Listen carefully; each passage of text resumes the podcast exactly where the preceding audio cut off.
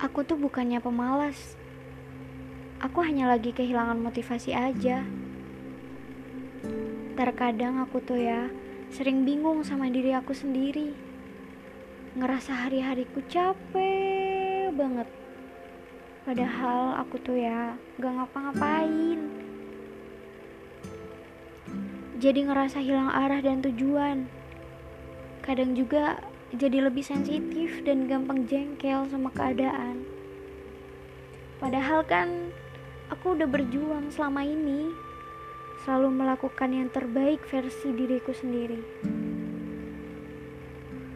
Terlalu mikirin banyak hal, nyatanya bikin fisik dan mental kita capek juga ya. Kalau udah capek tuh ya, jangan maksain. Terlalu keras sama diri sendiri itu juga nggak baik. Coba tenangkan sejenak hatimu. Lupakan semua beban yang membebani pikiranmu. Lalu bilang sama dirimu sendiri, dunia emang tempat kita capek, tapi kamu hebat, mampu bertahan. Kamu juga pantas bahagia. Terima kasih sudah berjuang.